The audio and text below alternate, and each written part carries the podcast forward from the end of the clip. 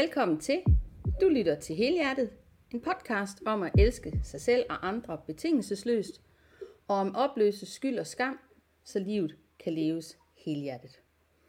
I dag der er temaet krop før stemme, og i den forbindelse der har jeg fået besøg af dig, Janne. Hej Randi, tusind tak fordi jeg var med med. Ja, selv tak. Og der hvor vi har mødt hinanden, og grunden til at du er med i dag, det er jo, at øh, vi har mødt hinanden igennem det her med at være online kursusskaber, hvor øh, du jo har Danmarks Rytmiske Kor, hvor øh, du øh, gennem det, at du er etableret konservatorieuddannet sanger og korleder, arbejder med, hvordan er det, at øh, vi bruger kroppen til at udtrykke os igennem vores sang. Er det ikke rigtigt? Jamen det er fuldstændig rigtigt. Det har jo været en, et kæmpe tema for mig som både sanger selv, som underviser både af stemmetræning og kor, og sikrer, at vi kan udtrykke os frit. Ja. Og i den forbindelse, der, øh, jeg har jo været med, udover at vi har samarbejdet og sparet ind i øh, online-delen, hvor jeg jo ligger lidt i halen på dig og alle de ting, som øh, du gør rigtig godt, så øh, er jeg jo også med i koret. Og der var det op, hvor jeg virkelig opdagede, hey, vi arbejder med nogle fælles træk her. Det er, da du i forbindelse med, at vi skulle lave et, øh, en musikvideo, hvor vi skulle bruge kroppen, hvor du siger, at det er altid krop før stemme. Og så tænkte jeg, det er lige netop det, det er. Fordi når jeg i mit arbejde som traumespecialist, hvor vi arbejder med, at vi skal løsne traumer i kroppen, så er det rigtigt, at vi bruger vores tænkende hjerne til at tænke, hvordan kan vi møde det. Men i det møde, hvis vi skal sætte noget som helst fri, så skal det komme fra kroppen. Mm. Men det er fuldstændig rigtigt det, og, og for øvrigt, hvor er det skønt at have dig med i koret. Jeg synes jo, det er noget helt særligt, der også er kommet ud af den her nedlukningsperiode, at vi er gået online og synger sammen og får nogle andre ting ud af det, end vi gør, når vi mødes fysisk og synger sammen. Men du har fuldstændig ret, det er et grundprincip ind i min undervisningsstrategi, ind i min performance-strategi, det er at huske os alle sammen på, at når vi skal udtrykke os, så skal det ikke kun komme fra tankerne, det skal ikke kun komme fra følelserne, det skal i særdeleshed starte i kroppen. Men måske skal jeg fortælle en lille smule om, hvad det betyder, at det starter i kroppen. For det er jo ikke sikkert, at alle, der sidder og lytter med, de forstår, hvad, det lige, hvad, det lige, øh, hvad vi lige mener med det. Det vil da være super dejligt. For, for det, der meget ofte sker, når vi mærker en følelse, tænker en tanke, øh, skal udtrykke os, skal fortælle, hvad vi virkelig mener, det er, at vi kommer til at låse det fast i halsen.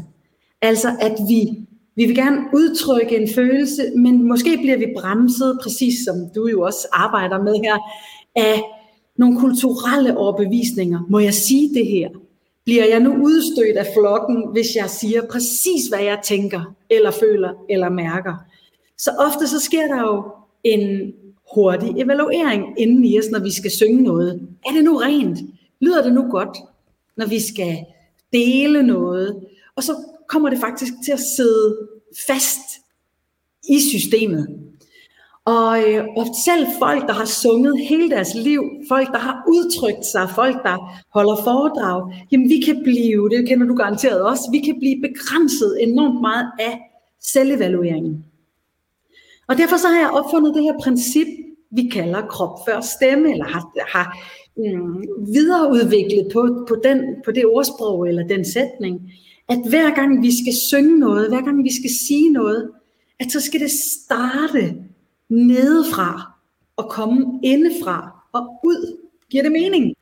Jamen det giver super meget mening, også fordi hvis vi snakker i kommunikation, når jeg tager det i et psykologisk perspektiv, hvis der er uoverensstemmelse mellem det, vi siger og det, vi gør, så vil det være det, vi gør, der fortæller os, Altså, så vil det være kroppen, der fortæller os, hvad er det, der er på spil. Så hvis vi har den her, øh, det her støj på linjen i vores kommunikation, hvor man tænker, du siger godt nok et, men du gør noget andet, så vil det være kroppen. Så vil det være kroppen, vi skal lytte til. Og mange gange, når folk de så siger, Jamen, det var, nej, nej, nej, det var ikke det, jeg mente. i, du er bare ikke bevidst om, at det er det, du mener. Eller ikke tør at stå ved det. Fordi vi kan jo også, når vi bliver spejlet ind i, at øh, lad os nu sige, dig og mig havde en konflikt, Janne. Og du så siger til mig, Randi, øh, det virker ikke helt som om, at, øh, at vi er enige her. Så kan det godt være, at jeg kunne være så bange for, at du ikke ville være min ven længere, hvis jeg helt ærligt sagde, hvordan jeg havde det. Så derfor så kunne jeg helt ubevidst sige, nej nej, jamen det er alt okay. Selvom jeg i bund og grund indeni tænker, det her det kan jeg ikke være med. Eller hvis jeg siger det her, så kan hun ikke lide mig længere. Mm. Så den balancegang er der, at det er kroppen. Altså vi bliver nødt til at tage fat i det, men det er jo også super svært, fordi vi jo, nu skal jeg jo også have besøg af, vi skulle faktisk have haft lavet det her afsnit med Pernille Skal omkring øh, kroppens slader. Mm. Øh, og det ligger jo super godt tråd med, men, men det her med, at vi jo mange gange ikke tør lytte til kroppen. Mm. Fordi vi lever i en verden, hvor hovedet bestemmer. Ja, og så har vi jo hele tiden en kamp imod, øh, kan man sige, imellem individet og, og fællesskabet. Fordi vi er jo helt urbiologisk kodet til, at vi skal opføre os, så fællesskabet kan trives. Vi ved jo, at hvis vi ikke byder ind i fællesskabet, jamen så er der en risiko for, at der er nogen, der ikke kan lide os, og så kan det sådan urbiologisk set jo betyde den visse død for os. Samtidig så har vi jo et ønske om individuelt at udtrykke os. Jeg tror i virkeligheden, det er jo sådan en menneskelig kamp, vi, vi veksler frem og tilbage mellem hele livet. Skal jeg sige det, jeg virkelig mener, eller skal jeg sige det, jeg tror, de andre gerne vil høre? Ja, og det er jo den økologi, der er i det, i den her dans, hvis vi er inde i øh, musikkens verden, at vi på den ene side er dybt afhængige af fællesskabet, fordi som du siger, vi kan ikke være i verden alene prøv at se med corona her, hvor lige netop koret skaber et fællesskab over oplevelsen af, det kan godt være, at jeg er hjemme, men vi er sammen hver for sig. Men vi kan, vi kan ikke være alene, men omvendt, den der redder mig, er mig. Mm. At når vi skal tage fat i noget, som har ramt os, det kan være sorg, det kan være tab af identitet, det kan være krig, det kan være overgreb, der kan være hvad som helst, som har slået os om kul. Mm. Den eneste, der kan løsne det i sig, i kroppen, den krop, der skal løsnes, det er os selv, der skal lave mm. det arbejde. Men vi kan ikke gøre det alene. Vi kan ikke gøre det kun alene ved tankens kraft. Vi kan også gøre det i mødet. Eller der er vi jo lige netop også i fællesskabets møde. Og det er der, hvor musikken, synes jeg, kan noget helt særligt. Fordi der går vi jo i øh, samklang. Mm. Med mus- hvor, hvor musikken skaber samklang ind i den energi, der er i os. Lige Ja, fuldstændig. Fordi det der også er, der er jo ikke noget, vi alle sammen heller vil, end at udtrykke os og blive set og hørt og blive mødt. Og det er jo en, det, det er jo også en læring at finde ud af, hvordan kan man få sat sig selv i spil, lige præcis som du, som du siger, også når, når vi bliver ramt af livet. Fordi det kan jo være små ting, det kan jo være gamle ting, det kan være nye ting. Det, der, der er jo mange lag ind i de begrænsninger, vi sætter for os selv. En, sådan en sjov lille sådan sidebemærkning ind i det her, det er, at jeg har jo undervist som sanglærer i ja, faktisk noget, der ligner 30 år efterhånden, og har sunget med rigtig, rigtig mange forskellige mennesker, der så kommer til mig, fordi de af en eller anden grund føler, at deres stemme er begrænset. Langt de fleste, det er det, der er den lille sjove historie her, langt de fleste af dem, de kommer og siger, ah, men jeg spænder lidt i toppen, eller jeg synger ikke helt rent, eller jeg kan ikke, jeg kan ikke helt få, få, jeg kan ikke helt få, få udtrykt det, jeg gerne vil. I virkeligheden, så kunne de lige så godt være gået til en psykolog eller en terapeut. Eller altså, de, det, det, det er fuldstændig de samme ting, vi ender med at arbejde med. Det er bare mere legalt at gøre det gennem musikken. Så når du siger, at vi mærker en samklang ind i at synge kor, ind i at lave fællessang, det har vi jo også set her i 2020 og 2021, at de her fællessangs oplevelser online, der er dukket op, jamen det har jo gjort en kæmpe forskel for folk at få lov at, at udtrykke sig, arbejde med sig selv, være til stede i kroppen, uden at man skal føle, at man er forkert. Og det er jo, det er jo der, hvor jeg synes, Og jeg tænker, hvad er det, vi kan med den her musik? Fordi mm. jeg kan jo selv mærke, og jeg kan mærke, at jeg bliver rørt af det nu, hvor vi sidder og snakker om det. Og det for eksempel, du lavede et korarrangement med hjem af Sally mm. Samuelsen. Ja. Helt vildt fantastisk. Ordene, teksten, nu er jeg et hovedmenneske, den ramte mig lige i hjertekuglen.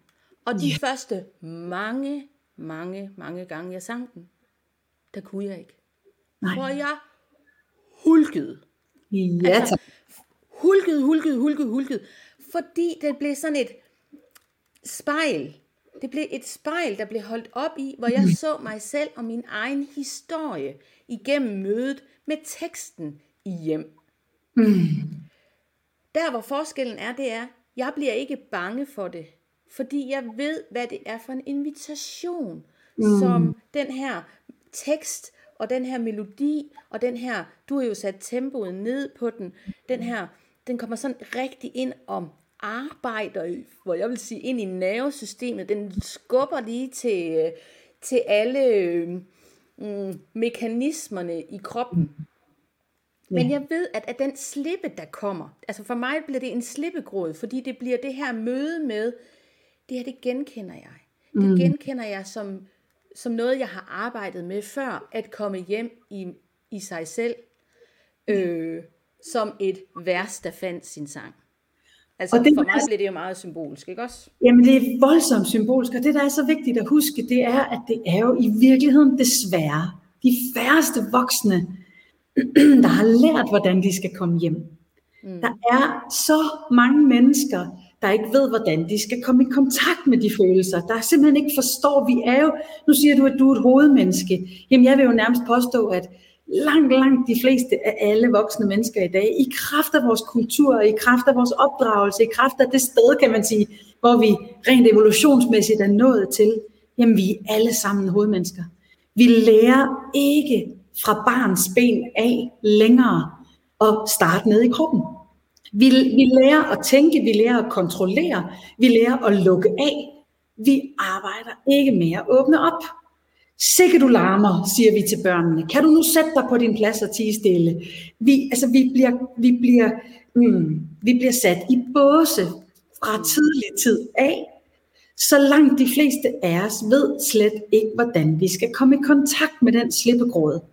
Og der får vi foræret noget igennem, især musik og også andre kunstarter. Det kan også være serier, det kan være romantiske film. Altså det, det der med, at der er noget, der, der får lov at aktivere os, uden at vi føler os forkerte, men at vi faktisk kan blive, tillade os at blive rørt ind i det. Ja, og det er jo, du siger jo lige netop med kunstarter, det er jo som perfekt ind i, at, at, at det er det kunst kan, vi kan blive rørt, vi kan blive påvirket, vi kan blive inspireret. Øh, lige nu har der jo været på DR øh, den her serie med teater omkring den store premiere, hvor man havde sat nogle skuespillere til øh, at skulle spille forskellige, øh, de skulle spille sammen med nogle forskellige skuespillere, og så gå ind i at bruge kroppen. Hvor mange af dem blev vildt ramt af, hold da op, hvor meget, at det blev en helt personlig rejse, og jeg kunne ikke lade være med at smile, fordi ja, det er jo det, det det kan, når vi tør gå ind i det. Mm. Og som jeg siger, selvom jeg er hovedmenneske, jeg er tillært hovedmenneske. Man siger mm. inden for skyggearbejdet, at vi jo er formet af vores kultur og vores samspil, indtil vi er 6-7 år. Du er for meget. Nu skal du være stille. Nu skal du ret ind. Du skal ikke, du skal, vi skal ikke høre dig. Vi må gerne se dig, men vi må ikke høre dig. For at tage et eksempel. Så det vil sige, jeg har jo også lært, jeg har jo lært, at hvis jeg tænker mig godt om, så er der større sandsynlighed for, at jeg bliver en del af flokken, end hvis jeg bare er. Ja. Så, så jeg vil give dig helt ret i, at vi lever i et kultur, hvor sangen inviterer ind i det arbejde, i det kropsarbejde. Mm. Og der, hvor jeg tænker, at hvis folk tør at gå mere i dialog med deres ramthed og blive nysgerrig på, mm. hvad er det for hvad er det i min historie, jeg bliver påvirket af? Mm. Så kan man sammen med øh, en sangcoach som dig gå ind og arbejde i, hvordan kan jeg mo- mo- øh, hvad hedder det, modellere det? Hvordan kan jeg få det øh, stemme fri, så der kommer forbindelse mellem? For det er jo lidt ligesom om hovedet er blevet kappet af. Det er jo, det er jo rigtig interessant, at som du siger, det snører i halsen, fordi det er ligesom forbindelsen mellem hoved og krop, der bliver kappet. Præcis. Så der kan sangen jo noget helt særligt i forhold til at få, mm, få kigget på, hvor er det, øh, hvor er det, der skal skrues.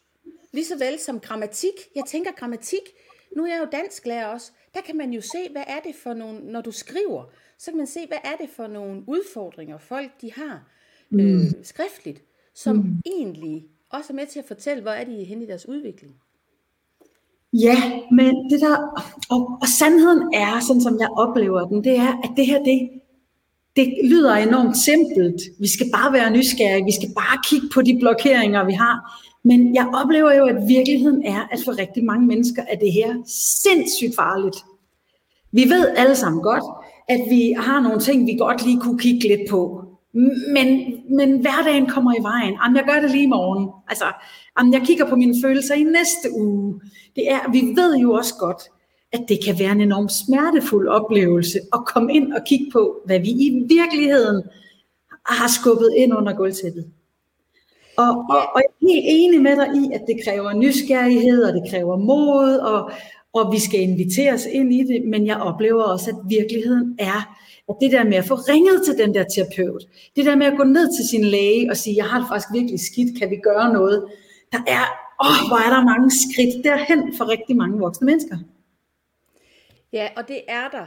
Der, hvor det bliver rigtig vigtigt for mig som traumaterapeut, det er, du kommer ikke i kontakt med noget, der ikke er der i forvejen. Din krop ved det.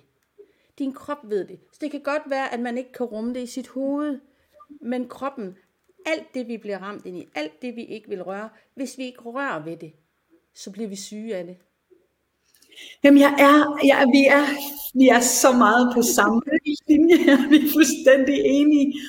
Og sagt med det største glimt i øjet, så kender jeg i hvert fald selv godt meget inde i min krop det der med, at jeg kan godt komme på 10 ting, på i hvert fald 5, som jeg kunne gøre lige nu, som ville gøre min krop sundere. Men jeg kender også alle overspringshandlingerne. Jeg kender alle de dårlige undskyldninger. Jeg, det, er jo, det er jo så interessant det der med, hvad er det, der skal til for at skabe forandringer? Hvad er det, der skal til for at sætte, sætte gang i de der processer, med, også med en blidhed? Ja, og det er jo der, hvor, hvor udfordringen jo i bund og grund bliver, fordi vi lever i en præstationskultur, så, så mange af os tænker, hvis jeg skal gøre noget, så skal der fandme ryddes op på alle hylder. Så er det jo hovedrengøring, så er det... Men prøv at høre her, vores hjerne vil ikke forandringen. Fordi Nej. vanen, vanen er jo vores overlevelse. Yeah. Den automatiserede læring af vores overlevelse, det er det, der har sikret os, at vi er her, og at vi har en kontakt til fællesskabet. Så det at gå ind i det, så bliver frygten for at blive forladt jo bare blusset fuldstændig op. Men mindre kan jo også gøre det. Mindre, altså, det er det der med, mindre kan også gøre det. Less is more. Præcis. Ja, og det er jo om at finde de enkleste, blideste veje ind til, og forsigtigt at få hul på nogle ting, som så kan skabe en, ja, hvad skal vi kalde det, snibboldeffekt, eller så vi kan folde vores eget kropskontakt naturligt ud. Det det er jo i virkeligheden også det, vi snakker om, hvor at for at vende tilbage også til vores udgangspunkt, det er jo der, hvor at musikken er så genial. Fordi musikken er ikke farlig. Jamen, det er jo bare en sang. Det er jo bare en tekst. Nå jamen, jeg skal bare synge en lille bitte Sanne Salomon sang. Som et vers, der fandt sin sang. Står jeg her, og selvom vejen den var lang, så er jeg kommet hjem. Altså, det er jo bare fire linjer, hvor svært kan det være? Så for de fleste mennesker, der kan de godt brumme lidt med på det. Og så er det præcis som du beskriver. Så kan det lige pludselig blive den der lille sprække ind i noget, der ikke var kontakt til. Det kan blive den der lille kontakt ned til gråden, eller til grinet, eller til vejrtrækningen, ned i jordforbindelsen. Lige pludselig kan det blive noget, der ikke føles farligt, men som alligevel kan forløse det. det, du kalder invitationen. Ja, fordi jeg tænker, det er det her med invitationen. Og, og nu har jeg jo arbejdet rigtig meget med at komme i kontakt med kroppen. Og jeg laver vagus boost, det ved du, men det er ikke alle lytter, der ved det. Jeg laver et vagus boost hver eneste dag, 15 sekunders højlydt latter. Altså sådan fuld blown blæs på indenfra og ud. Øhm, det, der er rigtig interessant, nu er jeg jo også med på dit uh, kursus omkring undertone, Jane, og vejrtrækning. Mm. Hvor man skal uh, sætte de her meget, meget, meget, meget små vibrationer. Altså hvor det ikke er der, hvor du mærker, når jeg laver vagus boost med latter, så kan jeg mærke, at jeg skal have luften helt nedefra, og jeg er næsten helt forpustet af at grine uh, 15 sekunder. Det er faktisk ret hårdt. Men det, der er rigtig interessant, det er, nu har jeg arbejdet en uge med den her undertone, der ligger og vibrerer helt ned på hvert, øh, stemme. Ja, nede på stemmelæberne. Ja. Stemmelæberne. Og så her den anden dag, vi har vel, jeg har jo gået så meget, min mand han kalder mig en knorrende traktor, når jeg ligger i sengen og laver udstrækningsøvelser og ligger og knurrer. Han siger, hvad er det for en traktor, jeg har fået med her? Øh, det har vi, har vi vores øh, sjov med. Men det, der var rigtig interessant, da jeg så skulle lave mit vagusboost den anden dag, så kunne jeg lige pludselig mærke, hvordan min øh, strube vibrerede. Det har jeg ikke kunnet. Jeg har jo lavet det her vagus boost i snart et år, hver eneste dag, hvor jeg ikke kunne mærke det. Men lige pludselig, lige pludselig, så kunne jeg sige, gud, jeg kan mærke, det bevæger sig. Wow. Så det er en lille bitte ting. Ja. Det er bare for at sige, jeg har fuld, som du siger, jeg har fuld forståelse for, at man tænker, og det at gå ind i den invitation i, hvad er det i mig, den historie, det er jo den, jeg sidder med til dagligt i mit arbejde, er folk, der er virkelig slået om kul, hvor de ikke har noget valg. Hvor de ikke har noget valg, end at snakke med en om, hvad fanden sker der? Ja. Men hvor jeg tænker, gør nu alt det andet. Brug invitationen af sangen, og ikke blive bange for den. Når du ser en film, når du føler dig spejlet ind i kunst, om det så er teater, om hvad det er, så vil jeg jo gerne, at vores lytter derude, i stedet for at tænke, det har jeg i hvert fald selv, at når jeg har set en film, så har joken været, at jeg var sådan et meget empatisk menneske. Jeg levede mig ind i alting, så jeg sad og hyldte, og jeg var så flov over det. Mm. I stedet for at tænke, hmm, hvad er det, det her det inviterer til mig? Det kan godt mm. at jeg ikke selv kan finde ud af det. Men så kan jeg da snakke med en om det. Og, og, og jeg tror i virkeligheden, at, at vi, vi rammer noget nerve her ind i, vi rammer noget kerne ind i, at jeg oplever, at sandheden er, at langt de fleste mennesker, de faktisk for det første ikke er klar over, at der er knuder nede i kroppen. Altså, at der er låsninger, at der er blokeringer. Langt de fleste mennesker, de er slet ikke i kontakt med, hvad det egentlig er, der foregår. Mm. Og næste skridt, der er meget, meget få, der ved, hvad de så skal gøre ved det. Fordi det føles farligt, det føles uoverskueligt. Og måske hvis folk de skulle tage én ting med fra din og min samtale i dag, jamen så synes jeg at nærmest det skulle være, at det behøver ikke at være så svært. Det behøver ikke at være så stort. Præcis som du siger, 15 sekunders højlydt latter ud af 24 timer. Jamen det, det, hvis man bare vidste, at det var det, man skulle gøre for at, at, at stimulere sit nervesystem, som du fortæller om her. Ikke? Mm. Eller det at synge, tænk hvis man bare sang hver gang. Prøv så, jeg tabte lige en kuglepen, det var det, der larmede. Fordi jeg bliver så begejstret, når jeg skal fortælle om det her, så kuglepennene flyver om ørerne på mig. Tænk, hvis man besluttede sig for, at hver gang man var i brusebad, hver gang man tog sit daglige brusebad, så sang man en sang højlydt. Nogle gange skal der så små ting til. Nu, øhm, nu beskriver du nogle af de her vejrtrækningsøvelser og undertoneøvelser, som jeg også underviser i. Fordi det, det lytterne jo måske ikke ved, det er, at, at for mig, der var musikken og sangen, det var ikke hele pakken. Jeg havde lyst til at få flere ting med ind i at give os en værktøjskasse til at forløse os selv i vores udtryk. Så du har fuldstændig ret. Jeg har nemlig suppleret op med også at lave vejrtrækningsøvelser og lave bitte små, simple afspændingslyde for struben, som er dem, du så har haft glæde af her i den senere tid. Mm. Og i virkeligheden så tror jeg, at langt de fleste mennesker, de, hvis de vidste, hvor simpelt det var, hvor bitte små sprækker, der faktisk skal til, og vidste konkret, hvad var det for nogle sprækker, de skulle lade lyset strømme ind af, jamen så tror jeg, der var mange mennesker, der ville tage imod det med kysshånd. Jeg tror, vi bliver overvældet. Tænker du ikke det? Jo, og så er det jo fordi, vi mange gange, altså vi snakker om det her med mindst mulig forandring, at det her med, det kan også være, mm, mange nyder at lave mandala. Det her med at sidde og farve, sætte sig ned, hvordan har jeg det, og så bruge farverne. Det her med, at vi laver nogle forandringer, der er så små, at vi går under radaren af vores nervesystem. Fordi lige netop de store forandringer, det er det der, det hele bliver, det bliver farligt, det kan jeg ikke. Det, det er, uh, men, men, men gør det blidt. Gør det Ja. blidt, blidt, blidt, blidt, blidt.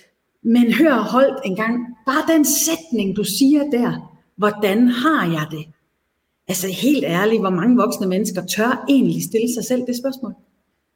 Det, jeg tænker faktisk, det er, jo, i virke, det er jo ikke en lille, det er ikke et lille spørgsmål, så jeg tænker faktisk, det du siger der med at sætte sig og male, jeg tror det er de færreste, der i virkeligheden tør både sætte sig og male, eller stille sig og synge, eller lægge sig og trække vejret, eller gå ud og gå en tur i skoven, samtidig med at de stiller spørgsmålet, hvordan har jeg det egentlig? Men det, er jo- det er jo bare sådan min, det er sådan min oplevelse. Det er altså far, det er lidt farligt spørgsmål. Fordi Men det er det jo, fordi vi lever i en kultur, hvor vi i bund og grund, det er jo bøvlet, hvis vi skal forholde os til, hvordan vi har det. Ja, lige præcis. Bare, bare for at tage, nu tager jeg et helt andet eksempel, jeg lige kommer til at tænke på. Vi tager corona. Mm. Det vil sige, førhen, nu tager jeg, jeg, tager, jeg kan godt lide at tage afsæt i mig selv. Hvis jeg skulle tage på arbejde, jeg vågner om morgenen, jeg har jo lidt ondt i halsen, øh, lidt småt tilpas, måske utilpas, måske en lille smule feber. Så er jeg vokset op med, at man spænder hjelmen, bider tænderne sammen, og så får du det bedre i løbet af dagen. Så ud af døren med dig. Du skal bare tage på arbejde fuldstændig uanset, hvordan du har det Ja, så kommer corona. Hvis du har feber, eller hvis du har symptomer på, så kan du ikke tage på arbejde, fordi du risikerer at smitte andre mennesker. Så lige pludselig bliver du nødt til at forholde dig til, hvordan har jeg det? Fordi kan jeg faktisk, sådan som jeg har det, tillade mig at træde ud af døren i mødet med andre mennesker? wow, Så på den måde er det jo blevet en invitation til, at vi bliver nødt til at lytte ja. og handle. Der hvor jeg gerne vil hen med det, er også, jamen sådan er det jo i mange andre sammenhænge, at vi nogle gange, prøv at høre her, jeg er brystkræftopereret. Mm. Jeg har arbejdet i min veje med at tage mig af mig selv og tage min egen medicin, som var sidste uges podcast. Det har jeg arbejdet med i flere år. Men det var først, da jeg blev syg med kræft, at jeg helt dybt følt fandt ud af, hvad vil det sige, min krop er mit tempel? Hvad vil Ja. det sige, at der er forbindelse mellem hoved og krop? Det var først, da jeg af omstændighederne udefra, mit corona, Mm. det, corona og brystkræft, det, det, det kan sætte uh, sådan en rimelig spot på ret mange. Altså det forstørrer ligesom, her er noget, du skal tage dig af. Ja. Og det bliver du simpelthen nødt til. Det var ikke den lille forandring. Det var der, hvor, hvor det bliver fuld blæs. Men hvis man bare starter lidt før, med nogle små ting. Ja, og tænk, hvis det præcis er noget af det, vi også igennem vores dialog her i den her dags podcast, hvis det var noget af det, vi også kunne, kunne huske os alle sammen på, fordi vi har jo ikke talt om noget i dag, som alle ikke ved. Mm. Men måske har vi talt om noget i dag, som de fleste, de helst vil glemme, eller de i hvert fald ikke fokuserer ret meget på i løbet af, fordi livet hele tiden fylder det hele. Ja, og livet vil ramme. Der er mange, der spørger mig, for eksempel når jeg har siddet med folk, som har været slidsomt, hvor de siger, bliver det, altså, bliver det ved med, kan jeg blive ved med at blive ramt? Går det ikke på et eller andet tidspunkt væk? Og så bliver jeg nødt til at være en lille smule ond, så siger jeg, don't kill the messenger. Men nej, det kommer ikke. Jeg vil altid blive ramt i mit sårbarste. Det vil Ja. du også, Janne. Vi bliver alle sammen ramt. Forskellen er, hvor længe vi er underdrejet af vores ramthed. Ja, Det er det, der er forskellen. For vi vil blive ramt. Vi vil møde vores, vi vil møde vores mønstre. Øh, nu ved lytterne, den, den lytter, der har lyttet med længe, ved, at øh, jeg lægger følelser ned med mad. Jeg har været følelsesmæssig spiser. mm.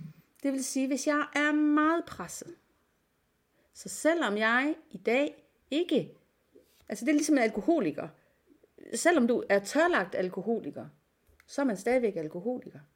Jeg er, øh, man kan man sige det? Jeg er tørlagt øh, følelsesmæssig spiser, men jeg er stadigvæk jeg, jeg bliver stadigvæk trigget ind i de mønstre.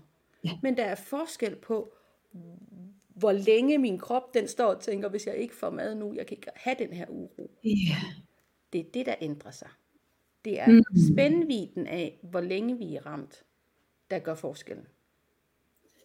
Ja, og så er det nærværet, så det er det her med at, finde nærværet til, præcis som du snakker om, at tage nogle små skridt på forhånd mm. ind i tingene. Fordi, altså et eksempel ind i, fordi jeg kender også til, til det her med at dulme følelser med, med, altså man lægger låg på for eksempel ved hjælp af mad, eller ved hjælp af at se serier i timevis. Altså der er jo så mange overlevelsesstrategier ind i det.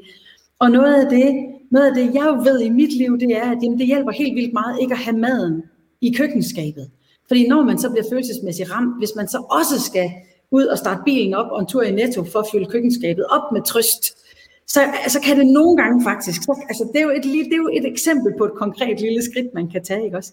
Eller det at have nogle værktøjer i sin kasse, hvor man ved, jamen når jeg får den her følelse, knugende følelse ind i struben, jamen så er der en bestemt film, jeg skal se, fordi den kommer jeg altid til at græde af, eller en bestemt sang, jeg skal synge, fordi så kan jeg måske få hul på, på den følelse, inden at den låser sig fast, og jeg skal have skrabber og midler i brug. Mm. Og det, det er jo det i virkeligheden, du også snakker om, at, at tænk, hvis vi som mennesker kan have, en, kan have nogle strategier, der gør, at vi ikke behøver helt ud til kanten, før vi fatter det. Ja, Men og det er jo der, hvor jeg tænker lige netop, at med musikken, ja. er jo et, fordi det er noget, lige netop musikken er noget, som de fleste mennesker har et forhold til. Altså jeg, jeg, jeg sidder lige og tænker, kender jeg nogle mennesker, som ikke har et eller andet forhold til musik? Det kan godt være, så er det heavy metal, så er det klassisk musik, så er det popmusik. Men, men, men det her med, at musikken gør noget ved en. Ja. Jeg har været til en julefrokost en gang, hvor der var rigtig mange, der var vilde med Rammstein, den der tyske. Ja, ja. Jeg måtte gå, for jeg blev simpelthen så deprimeret af det, hvor andre de blev fuldstændig høje af det. Men var jeg bare sådan, det, det, uh, hvis jeg skal være deprimeret, så skal jeg bare høre øh, heavy metal, så, så bliver jeg i hvert fald uh, mega tung. Men, Men det vil være forskelligt. Og vi har fat i noget her, som også er helt vildt vigtigt ind i, at det behøver ikke altid at være, at man selv synger. Nej. Det, er jo, det er faktisk vigtigt, at, at kunsten, den har, jo, den har jo begge ansigter. Den har både den udøvende side af mønten, men den har også den oplevende side. Jeg kan, jeg kan fortælle en lille sjov historie fra øh, den anden aften, hvor vi skulle have gæster. Og bare mellem dig og mig, så var jeg faktisk lidt træt. og jeg, jeg glæder mig selvfølgelig til at se vores venner, og vi skulle have en stor middag, og vi skulle spille spil, og vi skulle snakke, og vi skulle hygge. Men jeg er faktisk ikke i form til det. Fordi hvornår har man sidst haft gæster, ikke også? Så, øh, så vi havde virkelig gjort os umage, og vi havde ryddet op og gjort rent hele dagen. og jeg var faktisk lidt træt. Og så står jeg og skal til at lave alt det her mad. Og så kommer min 17-årige søn ud i køkkenet med en soundbox. Og så siger jeg, ej, gider du hjælpe med? Ja, selvfølgelig mor, siger han. Jeg tænder lige noget musik. Så sætter han fuld smadret 17 års musik på, så vi holder en køkkenfest. Og fem minutter efter, der danser vi rundt, mens vi laver mad og gør klar til gæsterne. Og da de kom en halv time efter, der var jeg i topform. Det er jo vildt. Jeg skulle ikke engang, altså jeg skulle ikke gøre andet end at bare lytte til musikken og overgive mig ind i den energi, der var i det, ikke også? Ja, og det er jo det, hvis vi tør det. Men det kan vi kun, fordi vi ved, at i stedet for at tænke, ej, jeg er også træt, og jeg er også et dårligt menneske, og jeg, fordi mm. så bliver det jo, når vi snakker følelser, så bliver det, de ting, vi føler, er jo fortidens erfaringer. Det er jo fortidens erfaringer, der kommer med, som sætter sig i os. Men hvis vi i stedet for siger, hvordan kan vi gå bag om det? Og det kan vi med mm. musik for eksempel. Altså, og der, der synes jeg jo, at musik er nok, øh, kan jeg ikke fornærme nogen vel, men, men jeg synes, musik har et meget universelt fordi som jeg, sagde til, som jeg lige sagde før, jeg tror ikke, jeg ikke, jeg kan ikke mindes nogen, der siger, at de ikke har musik i deres, altså, de bliver i hvert fald påvirket af musik hele tiden. Ja. Ikke også, fordi det er i radioen, det er, øh, når du går på gaden, altså, der, der, mm. der, der er musik omkring os hele tiden, mm. og hvor man kan sige, hvis der er nogen, der siger, hold kæft, hvor de larmer, jamen, okay, det er jo også en invitation. Hvorfor synes jeg, det er larm? Hvorfor kan jeg, altså, mm. Så, så for mig handler det mere om at være nysgerrig, i stedet mm. for at blive bange for det. Absolut, men du har ret i, at det er jo også en erfaring, vi skal få os, fordi vi netop, præcis som du siger, så har vi jo nogle ting med os. Vi har, nogle, vi har noget dårlig samvittighed, vi har noget kulturelt, som vi har snakket om tidligere i, i dag her, noget, noget kulturelt sådan begrænsning ind i os, ikke også? Og, og, og uanset om man kommer ned i kroppen ved at sætte musik på og danse på gulvet, eller om man kommer ned i kroppen ved at stå i brugsbadet og synge i vildens sky, jamen så er det egentlig, hvad kan man sige, sådan pointen også fra det, vi taler om, det er måske allervigtigst bare husk at gøre et eller andet. Mm. Fordi det er jo også så klichéagtigt, at, at hvis vi bliver ved med at gøre det, vi altid har gjort, jamen, så får vi mere af det, ikke også? Så måske den samtale, vi har i dag om at komme ned i kroppen og lade kroppen starte før stemmen. Måske er det egentlig bare så, måske er det Forhåbentlig sidder der nogen og tænker, gud ja, hvornår har jeg sidst sunget i brugsbadet? Eller, jeg skal da også have køkkenfest med fuld musik på. Eller jeg skal gå ud i skoven, som jeg ved, du gør, og går og synger, eller knurrer, eller trækker vejr. Eller, altså det der med at komme i tanke om, at her har vi faktisk et universelt værktøj, præcis som du kalder det, som vi alle sammen har adgang til. Vi kan alle sammen tænde for radioen. Det koster hvis nærmest ikke en krone, eller så kan vi i hvert fald gå på YouTube. Det er gratis. Så, så vi har noget her. Vi har en stemme, vi har lunger, vi har et udtryk, som vi kan være nysgerrige på, som vi kan undersøge, hvor den, det du kalder invitationen, måske netop kan være en billig vej ind i noget af det, der ellers kan føles rigtig dyrt. Ja. Og ved du hvad, Janne, jeg synes, det er så smukt, så jeg vil lade det være ordene, der ligesom skal ramme af og jeg er simpelthen så glad for, at du vil være med, Janne. Og øh, det har været en fornøjelse. Det er så dejligt, når vi har gode samtaler om det, der virkelig er vigtigt. For det tror jeg er, jeg tror, at det måske også er det hele podcast-universet kan allervigtigst. Så tusind tak, fordi jeg måtte være med. Og måske kan jeg lige slutte af med at fortælle, at hvis der er nogen, der sidder og tænker, jeg vil også synge, så har vi faktisk en kæmpe stor gruppe, øh, på Facebook, der hedder Alle os, der elsker rytmisk kor. Det er det til at huske. Alle os, der elsker rytmisk kor, er en gratis gruppe. Der er næsten 2.000 medlemmer, og der må man gerne være med, hvis man indimellem har lyst til bare lige at få en lille dose sang, eller lidt online kor, eller måske møde både dig og mig i, øh, i en lidt anden ramme end samtalen. Ja, og så kan man sige, nu ved jeg jo også, at du har den her øh, sommer øh, lille ting, hvis man øh, er vild med Junker, som, øh, hvor det også handler om, at vi bliver hjemme i år. Og, øh, men det kan de jo, hvis der er nogen, der går ind, så kan de jo se mere om dig, Janne, inde på, øh, på Facebook i den gruppe, der hedder Alle os, der elsker rytmisk kor. Jeg er i hvert fald øh, dybt taknemmelig for, at du vil være med og dele dine erfaringer. Og øh, tak for dig, der lyttede med derude. Du har lyttet til hele hjertet. Tak fordi du lyttede med.